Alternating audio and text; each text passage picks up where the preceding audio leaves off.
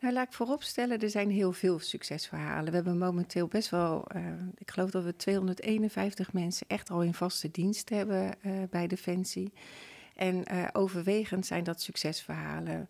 Je moet je voorstellen dat voor heel veel mensen, die hebben lang buiten de maatschappij gezeten. Die zaten thuis, die hebben uh, ja, vaak een, een, vrij kleine kring uh, van mensen om zich heen.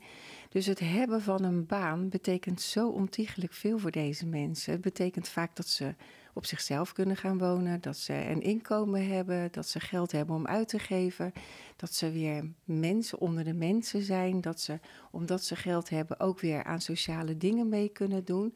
Dus ten eerste is dat al vaak het succes overal. Het ministerie van Defensie, een bedrijf met gepassioneerde, trotse en talentvolle mensen. In deze podcast verbinden wij deze mensen zodat ze samen sterker worden. Zoek Samen Sterker podcast en luister of kijk via YouTube, Gpal, iTunes, Spotify of Soundcloud. Een hele goede middag, avond in de auto of misschien in de trein met je oortjes in of je koptelefoon op um, of lekker in de auto. Um, weer een uh, Samen Sterker podcast en deze keer niemand minder dan een Ellen Diepering. Welkom Ellen. Dankjewel, fijn dat ik hier mag zijn. Ja, heel graag gedaan. Ik ga jou even kort introduceren. Uh, en dan gaan we het hebben over uh, stiekem denk ik wel een van de mooiste banen van Defensie, vind ik dan hè. Dat is ja, mijn vind mening. ik ook, nog steeds. Goed ja. zo. Uh, Ellen, wij kennen elkaar een beetje, want um, ooit werkten wij samen op de afdeling kwaliteit en innovatie bij Defensie Ondersteuningscommando. Ja. Um, toevallig de baas die daar ooit baas was, als die meeluistert, uh, Danny, daar uh, ga ik komende zaterdag een biertje mee drinken. dus um, en wellicht in een volgende podcast dat ik daar nog even op terug kan reflecteren. Ja. Uh, dat was de tijd, kwaliteit en innovatie. En toen um, um, begeleidde jij samen met en enkele collega's het programma REP, Re-Employment. Ja, helemaal goed. Ehm, maar ik kwam er net achter toen wij even voor gingen bespreken, dat jij ooit stewardess was als een soort tussenjaar bij Martin Air. dat dit nu weer genoemd moet worden, Danny. dat klopt, ik heb een tussenjaar gehad uh, als stewardess bij Martin Air. En door toeval eigenlijk, uh, dan moet je er drie maanden uit en dan krijg je een nieuw contract. En in die tussentijd ben ik via het uitzendbureau bij Defensie beland. En ja, zoals, uh, het is niet ineens 25 jaar later. Dus ja. zo snel gaat de tijd. En, ja.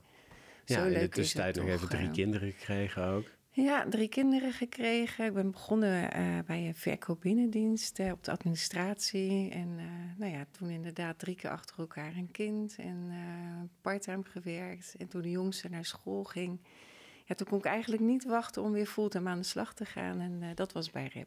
Dat ja, mooi, Ja. mooi. Wat je al aangeeft, hè, verkoop binnendienst. Um, Tegelijkertijd uh, pak je af en toe ook nog een marathonnetje mee.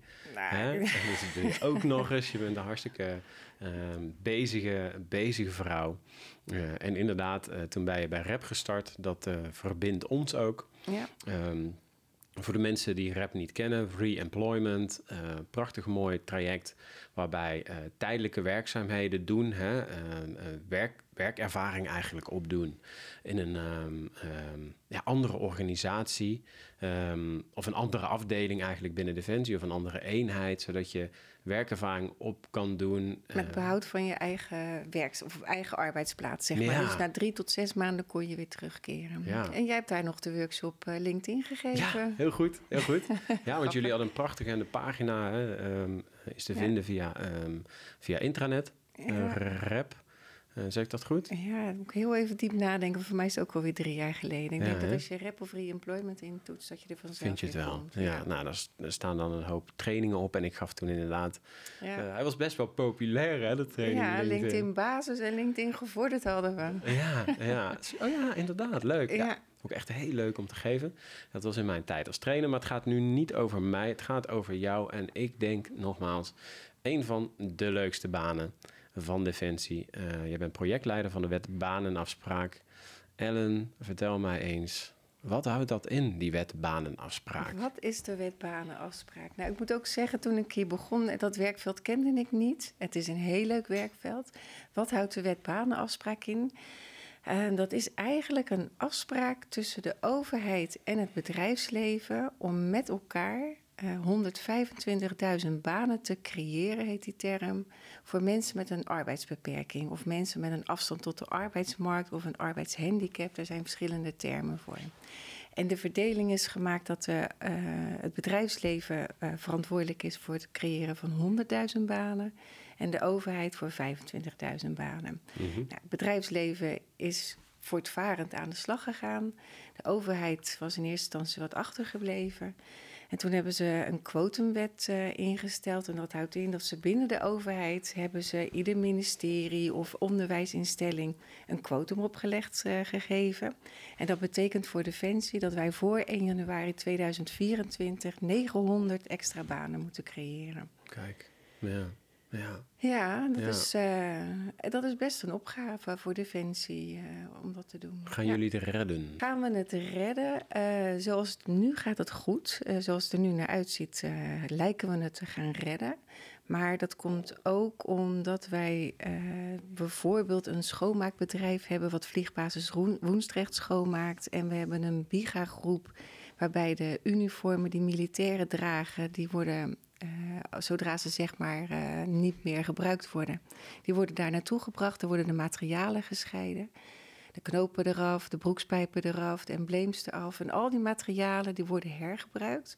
En dat zijn uh, onderdelen die we nu meetellen voor de wetbaanafspraak, maar wat nog wel zeg maar ter discussie staat of dat überhaupt mag. Okay. En als dat meetelt, dan gaan we dat zeker halen. Ja. ja. Hey, um, wat voor soort functies moeten we denken? Um, nou, de, de doelgroep waar we het over hebben, die is heel divers. Je kunt niet zeggen, dit is iemand uit de wet baanafspraak en dit is het profiel of zo ziet hij eruit. Nee, die doelgroep is zeg maar van mensen met een nou, verstandelijke beperking tot mensen die bijvoorbeeld zo... Uh, uh, gestudeerd hebben, die bijvoorbeeld de cyberspecialist uh, van de toekomst uh, zijn en alles wat daartussen zit. Administratieve ondersteuning, planner, ehm, chauffeur hebben we. loopbaanbegeleiding. Nou, je kunt het niet bedenken of we hebben het, we kunnen het. Er is ook echt heel veel potentie. Er is heel veel potentie, ja. ja. Als je de doelgroep bekijkt, zeg maar, dat is ehm, die uh, die doelgroep uh, die staat bekend bij het UWV. Je hebt daar een, uh, een, een doelgroepregister, heet dat. Dus degene die we zoeken hebben een vinkje. Het klinkt een beetje onaardig, maar zo is het in het doelgroepregister. Als je de hele pool bekijkt, dan moet ik wel eerlijk zeggen dat ongeveer 80% heeft MBO 2 niveau of lager. En die 20% zit daarboven. Dus ja, we willen uiteindelijk allemaal het liefst de jurist in een rolstoel of de cyberspecialist met autisme. Maar uh, uh, overwegend zijn het toch banen waarbij je licht administratieve werkzaamheden doet, uh, in de keuken mee kan helpen, chauffeur kan zijn, huismeester, interne medewerker, interne dienst, dat soort werkzaamheden. Maar als ik jou zo hoor, allemaal zaken die we wel nodig hebben. Absoluut, ja. ja dat dus... zijn uh, werkzaamheden die we zeker nodig hebben. En anders werkt het natuurlijk nee. ook niet. Het kan niet zomaar zijn dat we werkzaamheden gaan verzinnen en daar vervolgens iemand op aannemen. Het zijn echt werkzaamheden. Nou, misschien uh, wat op een afdeling uh, zijn er altijd zeg maar werkzaamheden bij collega's waarvan je zegt, ja, hoort dit nu? Of is dit nu daadwerkelijk iets wat bij mijn functie past? Zou ik dat niet uh, aan een ander over kunnen laten, zodat ik mij meer kan focussen op de hoofdbestand van mijn functie? Dus zo op die manier zou je bijvoorbeeld een administratieve functie kunnen creëren. Maar er zijn ook heel veel uh, banen waarbij uh, ja, het gewoon fijn is dat daar extra handjes zijn uh, binnen Defensie om, om die werkzaamheden te doen. Mooi, mooi. Ja. Hey, wat ik voor de mensen die luisteren, um, wat ik met je wil gaan doen. Um, we hebben natuurlijk succesverhalen van momenten die echt heel goed gaan. Hè? Bij mensen die echt hun plek hebben gevonden. Daar wil ik even met je naar gaan kijken. Uh, het gaat ook zeker niet altijd goed. Want mensen hebben in sommige gevallen natuurlijk hartstikke veel ondersteuning nodig. Daar wil ja. ik even naar kijken. Um, um, wat jullie nodig hebben om dit te laten slagen. Hè? Om het quotum te halen uiteindelijk. En als laatste wil ik even kijken naar... Um, als je als leidinggevende denkt, ik heb iemand in, vanuit zijn doelgroep nodig in mijn team, wat moet ik daar dan voor doen? Het praktische stuk. Ja. Ehm, maar laten we even gaan kijken. je hebt net aangegeven cyber, administratie, keuken, chauffeurs, huismeesters. aan zulke dingen moet je ongeveer denken. En zo zijn er vast nog veel meer. Um, een succesverhaal. Um, heb je misschien één of twee voorbeelden? Uh, je hebt mij twee filmpjes gegeven. Misschien kun je het even introduceren. Van mensen waarbij je denkt van ja, goh, dat geeft toch een beetje tot verbeelding voor degene die hier naar luisteren. Nou, laat ik vooropstellen, er zijn heel veel succesverhalen. We hebben momenteel best wel, uh, ik geloof dat we 251 mensen echt al in vaste dienst hebben uh, bij Defensie. En uh, overwegend zijn dat succesverhalen. Je moet je voorstellen dat voor heel veel mensen, die hebben lang buiten de maatschappij gezeten. Die zaten thuis, die hebben uh, ja, vaak een, een, vrij kleine kring uh, van mensen om zich heen. Dus het hebben van een baan betekent zo ontiegelijk veel voor deze mensen. Het betekent vaak dat ze op zichzelf kunnen gaan wonen, dat ze een inkomen hebben, dat ze geld hebben om uit te geven, dat ze weer mensen onder de mensen zijn, dat ze, omdat ze geld hebben, ook weer aan sociale dingen mee kunnen doen. Dus ten eerste is dat al vaak het succes overal. En als je specifiek kijkt naar mensen binnen onze organisatie, ja. Eh, ik heb twee filmpjes meegenomen van een informatiemiddag die we onlangs hadden georganiseerd vanuit de wet banenafspraak. Daar heeft uh, uh, Marcel, een collega bij, uh, bij DMO, ja. die is daar loopbaanbegeleiding. Ja. Dat is onze eerste en vooralsnog enige medewerker die volledig blind is. Ja, die heeft daar prachtig verteld over wat het hebben van een baan voor hem betekent. En ja.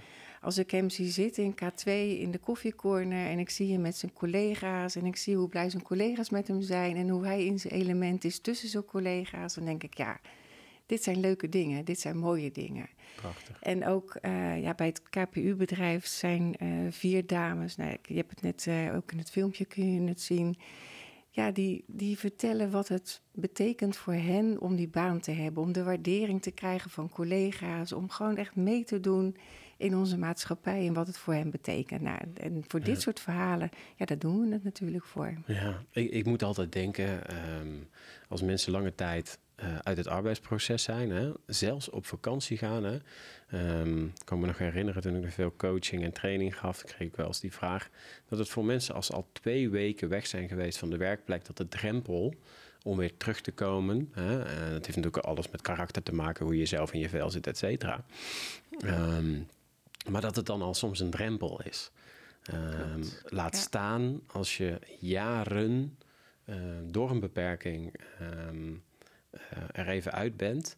Um, voordat we naar het filmpje gaan kijken, um, over wat voor beperkingen. Je hebt net bijvoorbeeld al autisme genoemd. Um, uh, wat voor beperkingen praten we over?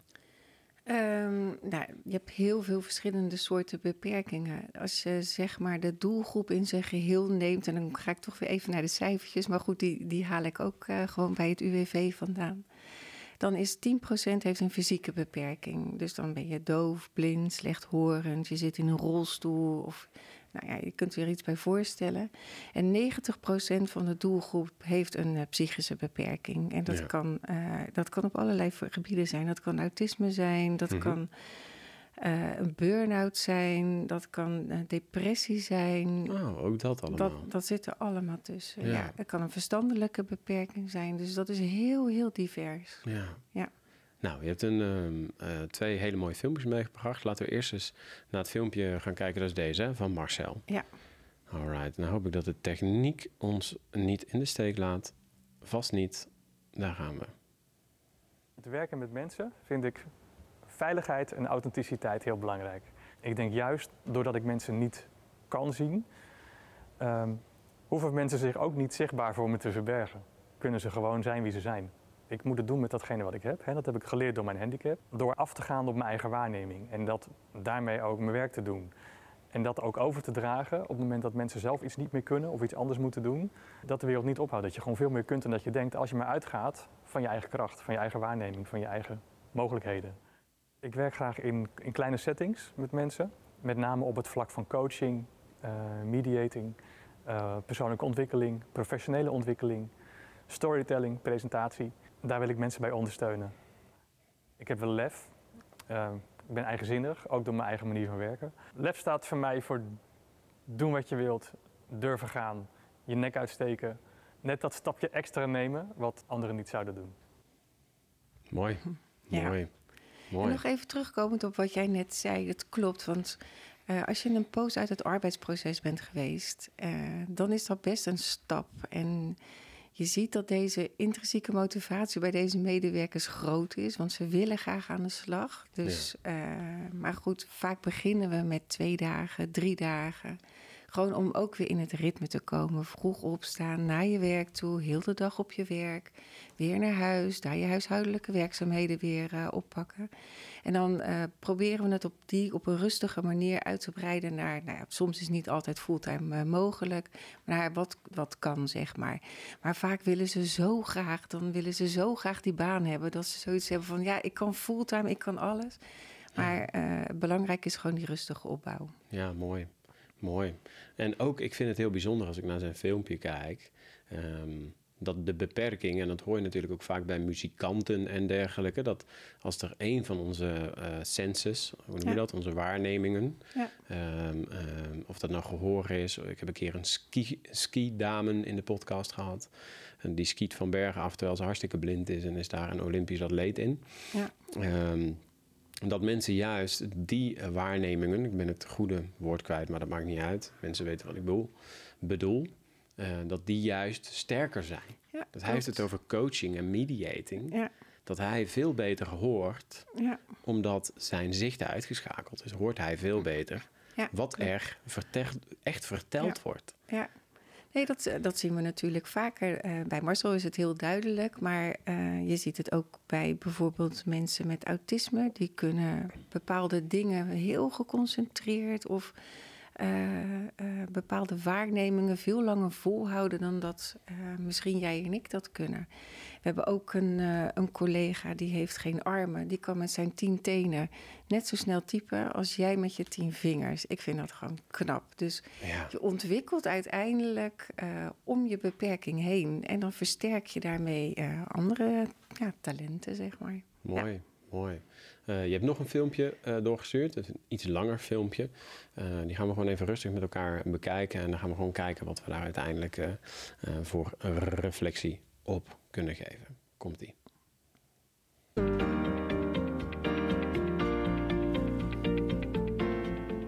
Ik ben Janiel en ik werk bij de interne logistiek en dienst. Ik ben Ilona en ik ben medewerker klantenservice en ondersteunend aan de communicatieafdeling. Ik ben Marjolein en ik ben assistent management bij productie.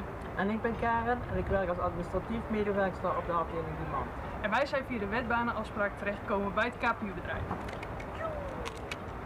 In 2003 kreeg ik een sinustrombose, waardoor ik dan in de WBA gekomen ben. Voordat ik hier een baan kreeg, was mijn leven al, altijd al een uh, quarantaine. Want ik, ik kon niks en ik had ook geen budget om leuke dingen te gaan doen.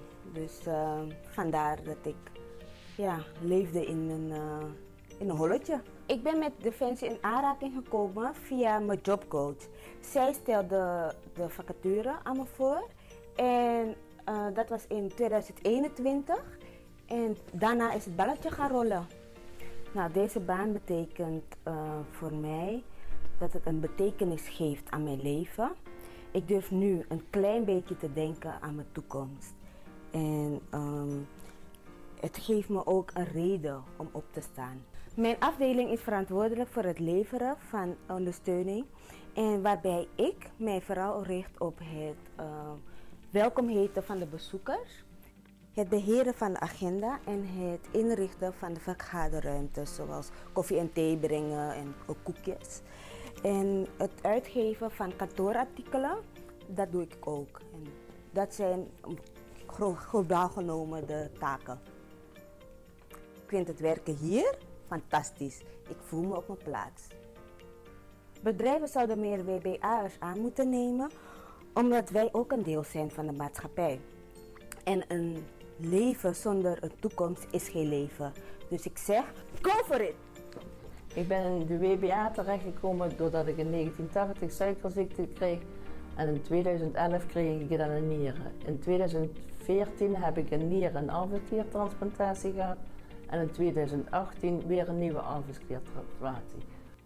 Mijn leven zag er uh, heel onzeker uit hiervoor. Ik had geen vaste baan. Ik had wel kleine baantjes gehad via uitzendbureaus.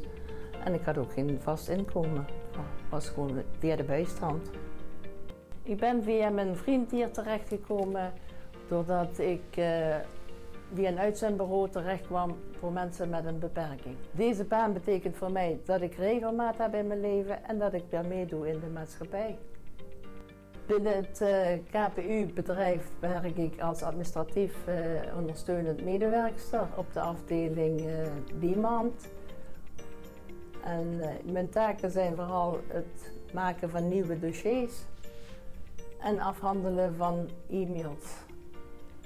Ik vind het werk leuk bij het KPU-bedrijf. Ik vind de collega's heel aardig. Ze zetten voor je klaar als je ze nodig hebt. Ik merk niet dat ik anders behandeld word. Want uh, heel veel collega's weten niet dat ik een uh, met banenafspraak zit. Ik zie de toekomst nu positief uh, voor me. Ik heb een leuke baan, ik heb leuke collega's en ik heb te horen gekregen dat ik een vast contract heb. De bedrijven zouden meer WBA's moeten aannemen, zodat hun ook een betere toekomst hebben. Hoe ik in de WBA terecht ben gekomen, dat is een, ja, een vrij lang proces geweest. Uh, ik heb uh, Engels gestudeerd en uh, daarna dacht ik van hé, hey, ik ga gewoon leuk de arbeidsmarkt op, word met open armen ontvangen. Maar ja, verschillende redenen, ja, economische crisis, werd het allemaal een beetje moeilijk. En in ieder geval dacht ik dat dat mijn probleem was, dat ik daarom nergens aan de bak kwam. Totdat ik eens ging kijken, verder kijken van ja, wat, waar ligt dit aan? Uh, want ja, inmiddels moet de arbeidsmarkt wel een beetje aantrekken. En uh, ja, waarom loop ik steeds tegen dezelfde problemen aan? Uh, nou ja, toen ben ik uh, verder gaan zoeken en nou ja, toen kreeg ik een diagnose autisme. Toen ben ik, ja, omdat ik toch steeds weer geen werk kon behouden, kijken wat mijn mogelijkheden zijn. nou ja, toen kwam ik bij de participatiewet uit. Uh, ik ben gaan kijken voor uitzendbureaus die speciaal zijn voor mensen met autisme. Uh, ik kwam uit bij Pernu. Die is niet speciaal voor mensen met autisme, maar wel onderdeel daarvan. En uh, ze hadden namelijk een vacature staan hier bij het KPU. En daar dacht ik van, nou ja, dat, dat lijkt mij hartstikke leuk. Ik het, hoe ik het hier vind. ik, ik heb nog nooit zo'n grote groep vriendelijke mensen gehad het, uh, contact uh, met mensen van uh, ja, ik ben van nature ben ik vrij verlegen en terughoudend. maar ja, door al die positieve ervaringen die ik hier opdoe, maakt het gewoon voor mij heel veel makkelijker om contact te zoeken met mensen en aan mijn schulp te komen. Dus ja, persoonlijke ontwikkeling maak ik hier ook gewoon door. Dat is echt helemaal top. Mijn werkzaamheden bij KPU uh, bestaat uit assistent management. Dat houdt in van dat ik het uh, hoofdproductie administratief ondersteun en de teamleiders uh, van het distributiecentrum. Dus waarom bedrijven meer BBA'ers zouden aan moeten nemen? Nou sowieso iedereen verdient een kans. Maar ja, het, het, het, hoeft ook niet meteen direct een probleem te zijn. de groep is zo divers. Um, het is niet alleen mensen met een verstandelijke beperking. Er zijn mensen met autisme, er zijn mensen met een chronische vermoeidheid. Uh, mensen die een bepaalde aanpassing nodig hebben omdat ze slechtziend zijn, slechthorend, uh, een onderbeen missen. Er zijn zoveel redenen. Um, en misschien is het wel van, uh, hey, omdat het iemand is die een, beperking heeft of ja, gewoon net eventjes een, uh, een andere, ja, een, een, ander pad heeft doorlopen in het leven, uh, dat ze ook tot andere inzichten komen. Um, ja, gewoon, gewoon net eventjes een, of een spiegel voor kunnen houden, of het gewoon van een hele andere kant benaderen van hé, hey, uh, dit kan ook. En dat het ja, gewoon echt het bedrijf ten goede komt. Ben in de WBA terechtgekomen door mijn chronische ziekte. Uh, ik heb fibromyalgie en chronische vermoeidheid. En uh, dat heb ik op mijn 18e gekregen. En daardoor uh, ben ik ja, bij de gemeente, UWV, allerlei instanties ben ik terechtgekomen. En na tien jaar heb ik eindelijk een WBA gekregen. Voordat ik hier bij het KPU-bedrijf terecht kwam, ben ik twee jaar werkloos geweest. Mede door corona was het voor mij best wel moeilijk om een baan te vinden. Want ze zijn dan nog uh, ja, kieskeuriger om, om een persoon te vinden die bij een bedrijf past. En ik ben toen ook in de WBA terechtgekomen. En dat werd voor mij wel iets makkelijker om een baan te vinden. Maar de harde realiteit is toch dat zodra je gaat vertellen over je beperkingen, wat de aanpassingen nodig zijn. Voor mij is dat ja, toch het rooster. Ik werk 6 uur per dag, 24 uur per week. En dat willen ze niet altijd. Dus dan is de harde realiteit van, nou we nemen je niet aan, want we hebben liever een fulltime iemand. Dus uh, ja, dat was wel moeilijk, dat was wel pittig. En dat is ook niet goed voor je zelfvertrouwen. Maar uiteindelijk uh, ja, ben ik hier toch uh, goed terechtgekomen. Deze baan betekent voor mij dat ik weer als mens kan groeien. Meer zelfvertrouwen kan opbouwen, maar dat ik ook weer onder de mensen ben. En dat ik toch mijn kwaliteiten kan laten zien. Ik ben in 2018 omgeschoold naar allround DTP'er, dus een soort vormgever. En die kwaliteiten kan ik hier weer uh, laten zien in mijn werk en uh, daar ben ik blij om. Uh, ik doe voornamelijk werkzaamheden als media-uitingen maken intern KPU-bedrijf. Dus denk hierbij aan flyers, posters, bijvoorbeeld de weekbrief. en ik ondersteun administratief de communicatieafdeling en de klantserviceafdeling. Ik vind werken bij het KPU-bedrijf echt super. Ik heb het enorm naar mijn zin. Ik doe veelzijdigheid qua werkzaamheden. Ik heb ook sinds juli een vaste aanstelling gekregen. En ik hoop dat dat nog een paar jaar doorgaat, want ik ben hier nog lang niet klaar. Waarom andere bedrijven WBA's moeten aannemen is omdat ja, wij WBA's net zo hard en goed kunnen werken als mensen die niet in de WBA zitten. je merkt toch dat Tuurlijk, wij hebben aanpassingen nodig, zoals voor mij in het rooster. Maar daardoor zijn wij niks minder. Dus wij WBA's hebben net zo goed kans en de kwaliteit om te laten zien in een bedrijf. Mooi. Ja. Mooi, mooi, mooi, mooi. Ja, wat ik zo mooi vind aan dit filmpje is, je, kunt, je ziet ten eerste de verschillende soorten beperkingen, want dat is echt heel divers. Je ziet hoe blij deze medewerkers zijn met hun baan, wat het voor ze betekent. Mhm. En daarnaast is het KPU-bedrijf ook ontzettend blij met deze medewerkers. Dus ja.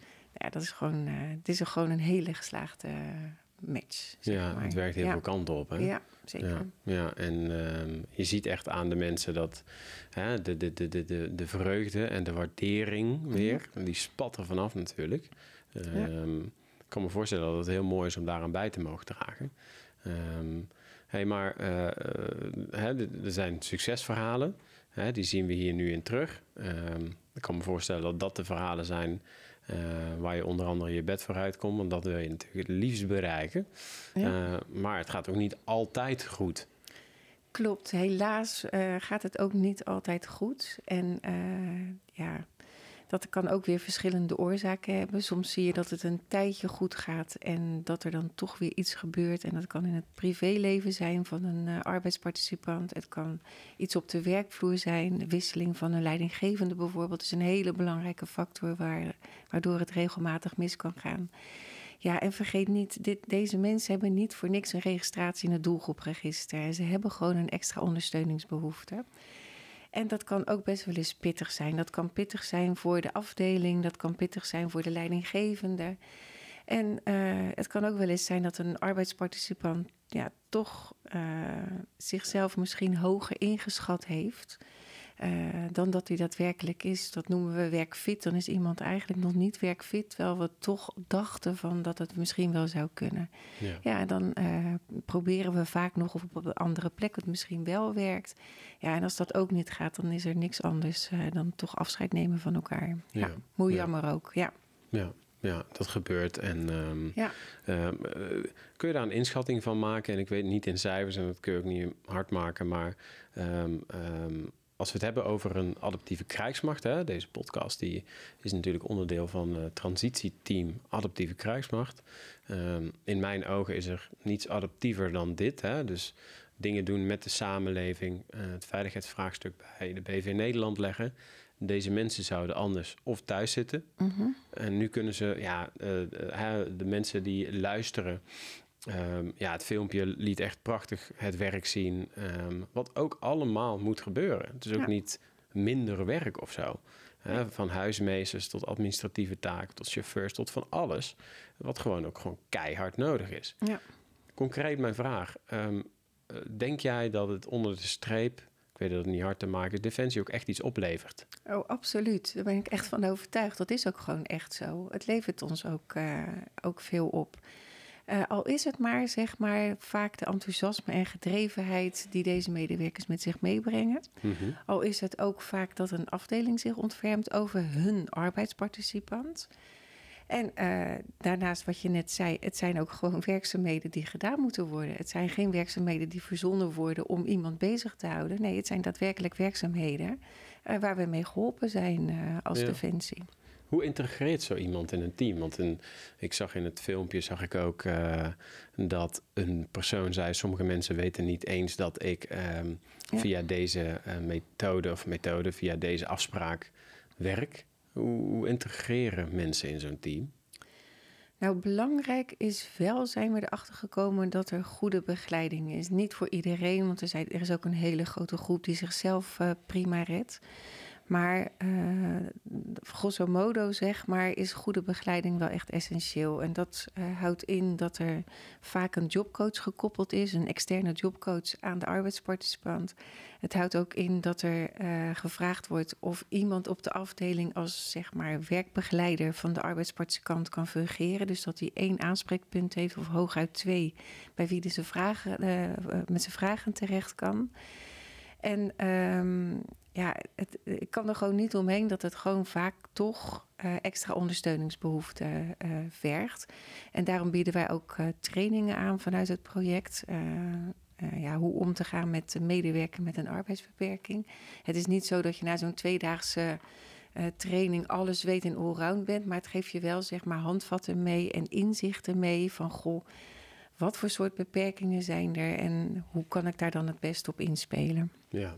En daarop doorbordurend, hè, stel ik ben een leidinggevende en ik wil zo iemand uit een doelgroep in mijn team.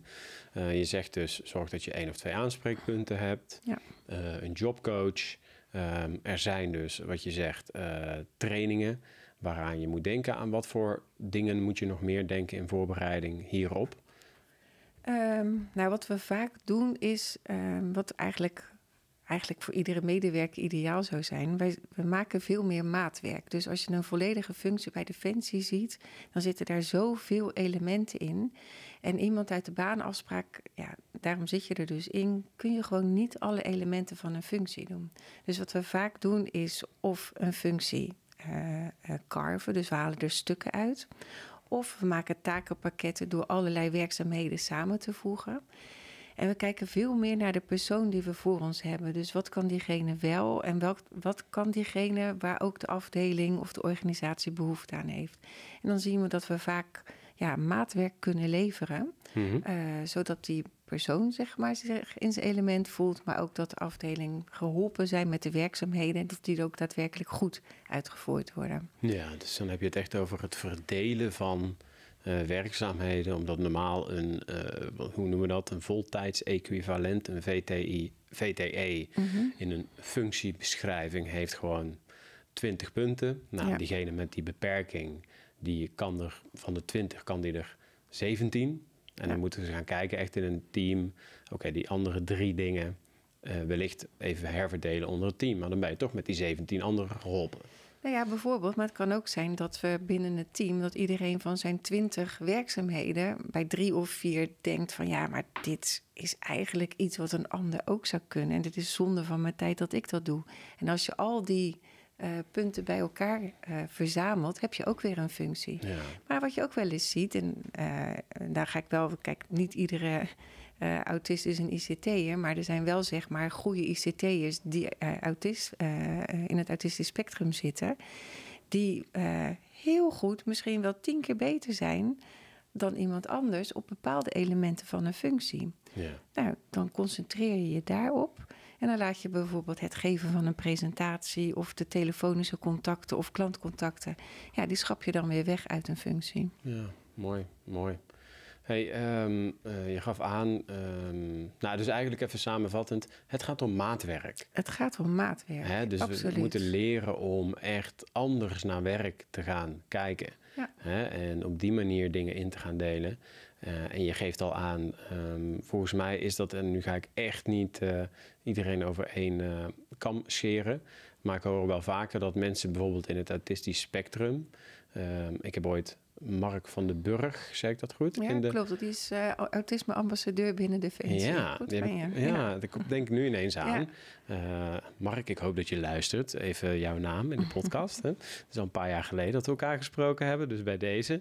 Die toen heel mooi uitlegde wat, uh, dat hij bijvoorbeeld binnen Defensie heel goed functioneerde. Omdat het heel erg veel werkt met regels, procedures. Wat dus heel voorspelbaar Ja. Is. En, Defensie is een organisatie waarbij je op het pak zeg maar kunt aflezen welke functie iemand heeft, welke rang iemand heeft. Nou, dat, zijn, dat is voor mensen met autisme heel fijn, heel veilig. Je weet precies waar je aan toe bent. ja, En dan ga ik direct even reclame maken. Want doe dat. Doe wij dat. geven ook vanuit het project eh, de workshop Autisme op de werkvloer. Onder andere met Mark van den Burg. En eh, daarin zit ook het eh, autisme belevingscircuit. Dus dan gaan we echt met een groep mensen, een aantal, ja, ik kan bijna spellen noemen, om inzicht te geven in hoe eh, denkt iemand vanuit, vanuit het autistisch spectrum, hoe handelt iemand. En daarnaast geven we ook informatie van wat is nou precies autisme en waar moet je rekening mee houden. Ja. En dat doen we steeds met twee trainers. Een, eh, een niet-autist, zullen we maar even zeggen, en iemand uit het autistisch spectrum. En we geven dan gezamenlijk eh, de training. En dat kan voor leidinggevenden zijn, dat kan voor werkbegeleiders zijn, dat kan voor mensen die autisme hebben zijn. Het kan voor iedere geïnteresseerde zijn. Ja. En dat verzorgen we vanuit het project. Ja. Mooi. Ja. Goede reclame. Ja. En dan pak ik hem nog even door. Eh, volgens mij is het eh, ooit Ongekend Talent podcast. Hij staat nog steeds online. Ergens de eerste tien of zo. Ik denk zeven, acht of negen. Ehm, met Mark van den Burg. Was een heel inspirerend verhaal. Hoe hij op latere leeftijd er eigenlijk Ja. achter kwam dat hij eh, in, het autistisch, in het autistisch spectrum ehm, eh, zat. En dat verklaarde voor hem heel veel dingen. En hij is onwijs, onwijs goed in bepaalde dingen. ehm, waar mensen die niet in het autistisch spectrum zitten, Ja. eh, weer meer moeite mee hebben. Ja. Ehm, dus hartstikke inspirerend, hè? Eh, zo zien we maar. Ehm, ja, we hebben het even gehad over eh, een aantal succesverhalen. Ook dat het soms wel eens wat extra begeleiding eh, kost. Wat is er nodig? Eh, je wil een bepaald quotum halen de komende jaren. Ehm, wat is er voor nodig om dat te laten slagen? Ehm, allereerst de wil, zeg maar. Dus ehm, Bij? wij, Defensie. Ja, Ja, en dat is er ook. Niet bij iedereen, moet ik eerlijk zeggen. De, de- het is geen afvinkpunt. Als mensen of commandanten of leidinggevenden het doen omdat ze het opgedragen hebben gekregen, dan gaat het niet werken. Er moet echt wel eh, de wil zijn om iemand uit deze doelgroep eh, aan te nemen, omdat het gewoon ja, wat extra ondersteuning en eh, het is intenser, zeg maar, qua begeleiding. Ehm, nou, dat is eigenlijk gewoon de belangrijkste factor. Dat we, dat we zien zeg maar, wat het voor deze mensen doet. En dat we ook de wil hebben om ook deze mensen op te nemen in onze organisatie. Hoe stimuleer je de wil? Nou, Bij bijvoorbeeld, eh, eh, we hebben in september hebben we een informatiemiddag eh, gegeven. Nou, daar hebben we een aantal arbeidsparticipanten binnen Defensie verteld hoe ontzettend belangrijk de baan voor hen is. We hebben daar theater op een ludieke manier autisme op de werkvloer neergezet. Door gewoon positieve aandacht te geven aan verhalen van mensen. En dat ook uit te dragen. Ja. Ja. Mooi. Dus de, de wil, die is heel belangrijk. Ehm, nou, Ehm, je gaf net aan hoe jullie dat doen. Is er nog iets anders ehm, eh, wat jullie nodig hebben? Misschien dat je een oproep kan doen. Eh, weet je, als alles mogelijk zou zijn, geld was en er is veel geld bijgekomen. Wat heb je dan nodig om het te laten slagen? Nou, wat ook eigenlijk speelt is dat er om die arbeidsparticipanten hangt een zweem van het is spannend, het is eng, het is anders. Wat kan ik verwachten? Wat kunnen ze? Hoe zien ze eruit? Hoe moet dat? Help. Um, dus vaak is de wilde wel, maar dan is er een soort onbeholpenheid van waar, waar begin ik? Hoe doe ik dan eigenlijk zoiets? Nou, daarom zijn wij twee jaar geleden vanuit het project Het Centraal Loket begonnen. Um, dat doet met name mijn collega Felicia Lobo. Nou, dit is helemaal haar ding. Als iemand in zijn element zit in het werk, dan is zij het. Als iemand dit kan, dan is zij dat ook. Kudo's naar haar. Ja, kudo's naar haar, absoluut. En um, uh, zij neemt je eigenlijk, of vanuit het project uh, Centraal Loket, nemen we je bij de hand. Beste leidinggevende, beste PNO'er, schakel ons in. Wij gaan altijd naar de locatie toe. Felicia zegt altijd: je moet zien, je moet voelen, je moet proeven, je moet de sfeer meekrijgen. Wat worden de collega's? Hoe ziet de werkomgeving eruit? Wat zie ik zelf nog misschien aan mogelijkheden die een arbeidsparticipant zou kunnen doen? En dan is het een kwestie van zitten van, nou, welke werkzaamheden gaan we op papier zetten? Waar hebben jullie behoefte aan? En dan maken we daar een prachtige functie van. En dan maken we daar geen uitgebreide functie van met ontzettend ingewikkeld taalgebruik. Gewoon een hartelijke, toegankelijke functie. En daarop zoeken wij een kandidaat. En uh, vaak houden wij de eerste intakegesprekken met de kandidaten. voordat we ze aanbieden bij de leidinggevende of de PNO'er. Ja. Uh, zij zijn uiteindelijk degene die selecteren, die bepalen wie zeg maar, uh, bij hun op de afdeling mag komen werken. En dan helpen wij ook weer met het uh, opstarten. Dus uh, het aanbieden van een training, de eerste. Uh, we hebben ook interne begeleiders opgeleid vanuit het project over vertellen. Die kunnen we eraan koppelen. we kunnen helpen met het aanvragen van voorzieningen en van middelen. Dus eigenlijk houden we je handje vast gedurende het hele proces, van het begin tot het eind, om iemand op zijn plek te krijgen. Prachtig. Ja. Dus laat je daar vooral niet meer door tegenhouden. Goed zo. Ja. Goed zo. Hey, um, um, wat neem jij mee? Dus het is altijd heel moeilijk, hè? Uh, wat zeggen andere mensen over jou? Uh, ik ben niet voor niks bij jou terechtgekomen. Uh, jij bent de projectleider. Um, wat neem jij iedere dag mee? Welke competenties zet jij iedere dag met heel veel plezier in om dit ja, eigenlijk te laten slagen? Nou, één enthousiasme, omdat ik gewoon zelf erg ontzettend uh, enthousiast ben, eh, ben over, dit, uh, ja, over dit project. En wat neem ik mee? Eén, ehm, dat je altijd verder moet kijken dan je eerste indruk. En ik kan niet benadrukken hoe vaak het overkomt dat je. En dat is even natuurlijk ook met je onderbewustzijn te maken, dat je direct eigenlijk oordeelt. Je ziet iemand, en je hebt eigenlijk al een soort van mening gevormd in je hoofd. En op het moment dat je daadwerkelijk in gesprek gaat met iemand en je ziet wat iemand kan, wat iemand wil, wat iemand zijn dromen zijn, wat iemand zijn verlangens zijn, dan ontstaat er een heel ander plaatje. En uh, iedere keer probeer ik bij mezelf bewust te zijn: stop met die eerste indruk, stop met direct zeg maar iets te vinden, maar luister en kijk. En uh, kijk wat iemand wel kan. Kijk wat iemand uh, graag wil en kijk naar de mogelijkheden. En dat is iets, nou ja, dat neem ik ja, heel vaak mee in, uh, in deze functie. Ja. Mooi. En ook hoe blij mensen met een baan kunnen zijn. Wat voor ons eigenlijk een soort van gewoon is. En als de wekker gaat, dat je ook wel eens denkt: oh, echt, vandaag echt helemaal geen zin. En, maar het besef dat je gewoon een baan hebt, dat je meedoet, dat je uh, betrokken bent, dat je iets kan betekenen. Nou, dat is toch eigenlijk iets waarvan je veel vaker bewust moet zijn uh, ja, dat dat iets moois is. Toch? Prachtig. Ja. En op zo'n moment dat ik dan die vraag aan jou stel, vind ik het ook altijd belangrijk om die vraag even aan iemand anders te stellen, hoe diegene over jou denkt. Oké. Dus daar wil ik eigenlijk even met jou naar luisteren. Vind je dat goed? ik ben benieuwd. ben benieuwd eh, met wie je gaat komen. Ja? Nou, ja. let's go. Daar komt hij. Hey Ellen, Anouska hier. Oh. Ik heb het uiteraard al tegen je gezegd, maar via deze weg nog een keer. Heel veel succes vandaag bij de podcast. Ik kan me zo voorstellen dat het ook een beetje spannend is. Maar tegelijkertijd, hoe mooi is het als je leuke dingen over je werk, maar ook belangrijke zaken rondom wetbanenafspraak kunt delen met meer mensen dan alleen je netwerk. Ik kan dan ook niet wachten om de podcast te luisteren. En zeg vooral tegen je: geniet. Ik moet bekennen dat ik in de afgelopen jaren regelmatig jouw stem in mijn hoofd hoor. Het kan dan ook geen toeval zijn dat ik eerst bij jullie als rep ging werken voordat ik bij bureau DNI terechtkwam. Dat heeft zo moeten zijn. Van jullie heb ik geleerd om eerst de relatie op te bouwen voordat je aan zaken toekomt.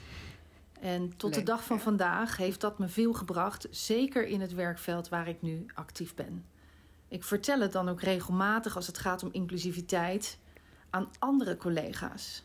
Zorg dat die relatie sterk is voordat je aan zaken begint. Leer de ander eerst beter kennen. Weet wat diegene doet tikken. Een les die ik leerde bij rep. Evenals dat af en toe een cadeautje voor je collega kopen wonderen kan doen. Wat ik het afgelopen jaar vooral van jou geleerd heb, is door je te observeren en naar uitspraken van jou goed te luisteren en deze ter harte te nemen, is uitzoomen. Niet te betrokken raken bij het werk. Ogen op de bal houden. En als de emoties toch hoog oplopen, goed kijken of je daar zelf wel een rol speelt. Dank dat ik af en toe even naar je mag luisteren, af en toe even tegen je mag zeuren. Uh, ik vind je een bijzonder fijne collega. Ik vind je ook een bijzonder fijn mens en ik zie je inmiddels als een vriendin. Ik gun je de wereld, maar bovenal de juiste mensen om je heen, zowel privé als werk. Maar als ik het dan toch even over werk heb, want dat is waar het vandaag over gaat, dan gun ik je vooral de juiste mensen om je heen die je kunnen helpen in de oplossingen die je zoekt rondom de problemen die op dit moment spelen. Ik merk aan je dat het je dwars zit en ik heb de oplossing ook niet direct. Dus hopelijk vind je de juiste wegen. En onder alle omstandigheden hoop ik dat je weet dat als ik iets voor je kan betekenen, dat je me uiteraard altijd kunt bellen. Ik gun je nogmaals vandaag vooral een hele mooie dag. Ik hoop dat je goede vragen krijgt, op de juiste antwoorden komt. Uh, dat de zenuwen laag zijn. Uh, maar ik heb alle vertrouwen in je. En als ik het nog niet gezegd heb, doe ik het nog een keer.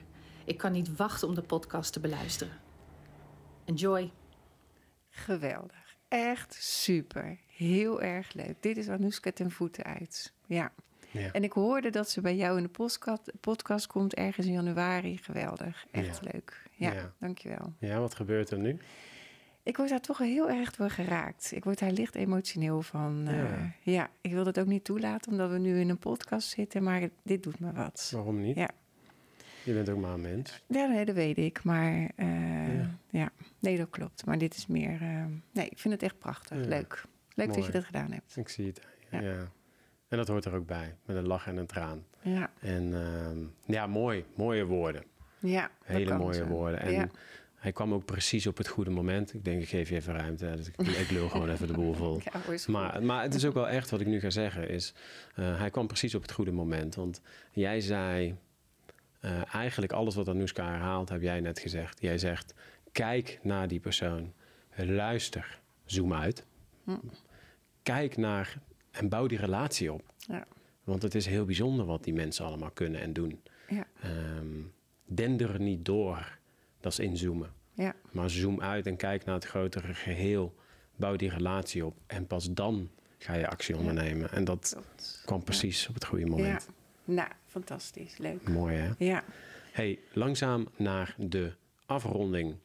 Ehm, je hebt het nog even aangegeven en ik vind het toch wel belangrijk om even aan te stippen. We hebben het al een klein beetje al besproken. Ehm, ik vroeg aan jou in de voorbereiding, zijn er ook wel eens sceptici? Ehm, als het gaat om mensen met een arbeidsbeperking een baan aanbieden binnen de krijgsmacht, hè, waar gevochten moet worden en het land verdedigd moet worden. En toen zei hij, ja zeker, Ja. die zijn er wel. Nou, daar wil ik toch nog wel even een vraag over stellen. Wat, Ja. wat hoor je dan? Eh, nou, er zijn verschillende dingen die we horen. En sommige begrijp ik ook. We hebben natuurlijk ook militairen die dienstongeschikt zijn geworden. En dan vindt uh, een, ja, een groep mensen ook van ja, daar moeten we prioriteit aan geven. Daar zijn we zeg maar in eerste instantie uh, uh, bereid voor om werk voor te creëren. Waarom kom jij ook nog eens zeg maar met een doelgroep? Um, ik vind ook dat militairen die dienstongeschikt zijn geworden, absoluut zeg maar geholpen moeten worden. Ook absoluut ja, toch voorrang wel krijgen. Maar het is een wettelijke verplichting. We kunnen er gewoon niet omheen. En uh, de andere kant is, als je niet met een quotum werkt, dan leer je elkaar ook niet kennen. En dat is het voordeel zeg maar, met het quotum. We halen mensen binnen omdat het zeg maar, even tussen quotejes moet. En dan ineens komen we erachter van... hé, hey, wat een leuke mensen zijn het eigenlijk. En ze kunnen wel wat. En het beeld wat ik misschien van tevoren had over iemand met een beperking, dat klopt misschien helemaal niet. Dus we leren met elkaar werken. We worden een inclusieve maatschappij of inclusieve organisatie, wat we ook als maatschappij uh, uiteindelijk zijn. Ja. En door met elkaar te leren werken, nou ja, ga je elkaar ook steeds meer waarderen. En inderdaad, soms kreeg je wel eens uh, opmerkingen van ja, maar we zijn toch geen sociale werkplaats en we moeten ook werken. Ja, die leg ik naast me neer. Want nee, we zijn geen sociale werkplaats, maar we, hebben, we zijn wel een sociale organisatie. Dus wij ontfermen ons wel, zeg maar, over mensen die het gewoon wat moeilijker hebben. Ja. Dat is gewoon ook een taak. En ik moet ook zeggen, en dat is een compliment aan Defensie, ik krijg heel vaak terug uh, van de uitzendbureaus dat Defensie een hele fijne organisatie is waar ze arbeidsparticipanten kunnen uh, uh, neerzetten of kunnen detacheren er zit toch ergens een soort zorgzaamheid in heel veel mensen bij Defensie. Betrokkenheid. En uh, we willen ook ons ontfermen over een, onze medemens. Dus ik krijg heel veel terug dat wij dat heel goed doen als organisatie. Ja, Mooi. absoluut. Ja. Mooi, fijn om te horen. Fijn om te horen. Um, laatste vraag voor jou eigenlijk. Um, stel dat alles mogelijk was. Ik heb hem net ook al gesteld, maar nu als laatste afsluiting. Uh, alles is mogelijk, geld tot en met. Wat zou je dan morgen doen? Wat zou ik dan uh, morgen doen qua werk, met hem ja. aan? Uh, ja. Um, de voorzichtigheid proberen weg te halen. Dus nu is het nog een soort van aftasten. Waar ga ik aan beginnen? We beginnen met tijdelijke contracten. We beginnen met detacheren of inhuren. Ik zou veel meer willen zeggen, laten we gewoon het durven. Laten we gewoon iemand ook een vaste aanstelling gunnen. En niet pas na jarenlang aftasten. Nee, heeft iemand gewoon zichzelf laten zien? Heeft hij laten zien dat hij goed kan meedraaien? Gun iemand dan ook een vaste aanstelling. Dat betekent zoveel. Het betekent dat je er ook bij hoort. Dat je niet inhuur bent, maar dat je bij de defensieorganisatie uh, hoort. Dus Um, nou ja, dat is wel een streven om veel meer mensen um, te laten landen op een vaste aanstelling binnen Defensie. Ja. ja.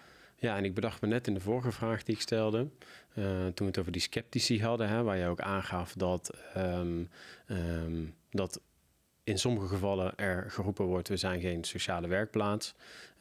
laten we wel eerlijk zijn: uh, Defensie is niet alleen maar gevechtskracht. Nee. is ook heel veel ondersteunende functies die het mogelijk maken ja. om die militair exact. juist het werk te laten doen wat ze moeten doen. Ja. En als daar in de maatschappij, we hebben gewoon echt tekorten binnen Defensie. Ja. En als daarvoor in de plaats echt een shitload aan mensen zijn die heel graag willen werken, vanuit intrinsieke motivatie ook nog eens iets heel goed kunnen, mm -hmm. dan zou het gewoon achterlijk zijn als ze dat niet zouden doen. Weet je, dus dat is even mijn eigen um, uh, kleine pitje. Dat ik denk, hallo. je kan het beter verwoorden dan ik zelf. maar ik ben het helemaal met je eens. Ja, toch? Zo ja, is het toch? Absoluut. Bam. Laatste vraag aan jou. Hebben we iets gemist? Heb je nog een boodschap voor de collega's? Uh, misschien een leuke one-liner, iets wat jou inspireert. Maakt niet uit, I don't care. Brand los. Ja. Nou, de one-liner, daar sluit ik mee af. Ik wilde nog wel vertellen dat uh, wees niet bang, beste leidinggevende, beste collega, beste uh, uh, PNO'er. Uh, wij bieden ook vanuit het project zeg maar interne begeleiders. Die kunnen je ook ondersteunen op het moment dat je met een arbeidsparticipant op de afdeling zit. Die zijn er voor de arbeidsparticipant, voor de leidinggevende en voor de werkbegeleider. Dus uh, neem dan vooral met ons contact op. En de one-liner is: iedereen die wil werken, verdient een kans. Mooi. Dankjewel, Ellen Dieprink. Uh, het was een paar jaar geleden dat we elkaar uh, gezien hadden. Nog een keer ergens op een uh, bijeenkomst. Ja. Ik vond het superleuk dat je in deze podcast zat. Um, ik hoop dat heel veel mensen hierdoor geïnspireerd raken. Uh, voor de mensen die de podcast regelmatig luisteren, uh, ga even naar uh, Spotify en abonneer je op de podcast. Dat is altijd leuk en dan wordt de podcast weer beter en die komt dan weer beter in de rating naar boven. Laat op LinkedIn, waar we hem vaak posten, ehm, even een leuke reactie achter. Misschien nog suggesties voor de podcast. maar laat vooral even aan ons weten wat je ervan vindt, zodat we hem kunnen verbeteren. En wellicht heb je nog leuke gasten Ellen, super bedankt. Danny, jij super bedankt. Ik vond het waanzinnig leuk om te doen. Dankjewel. Gelukkig, dankjewel.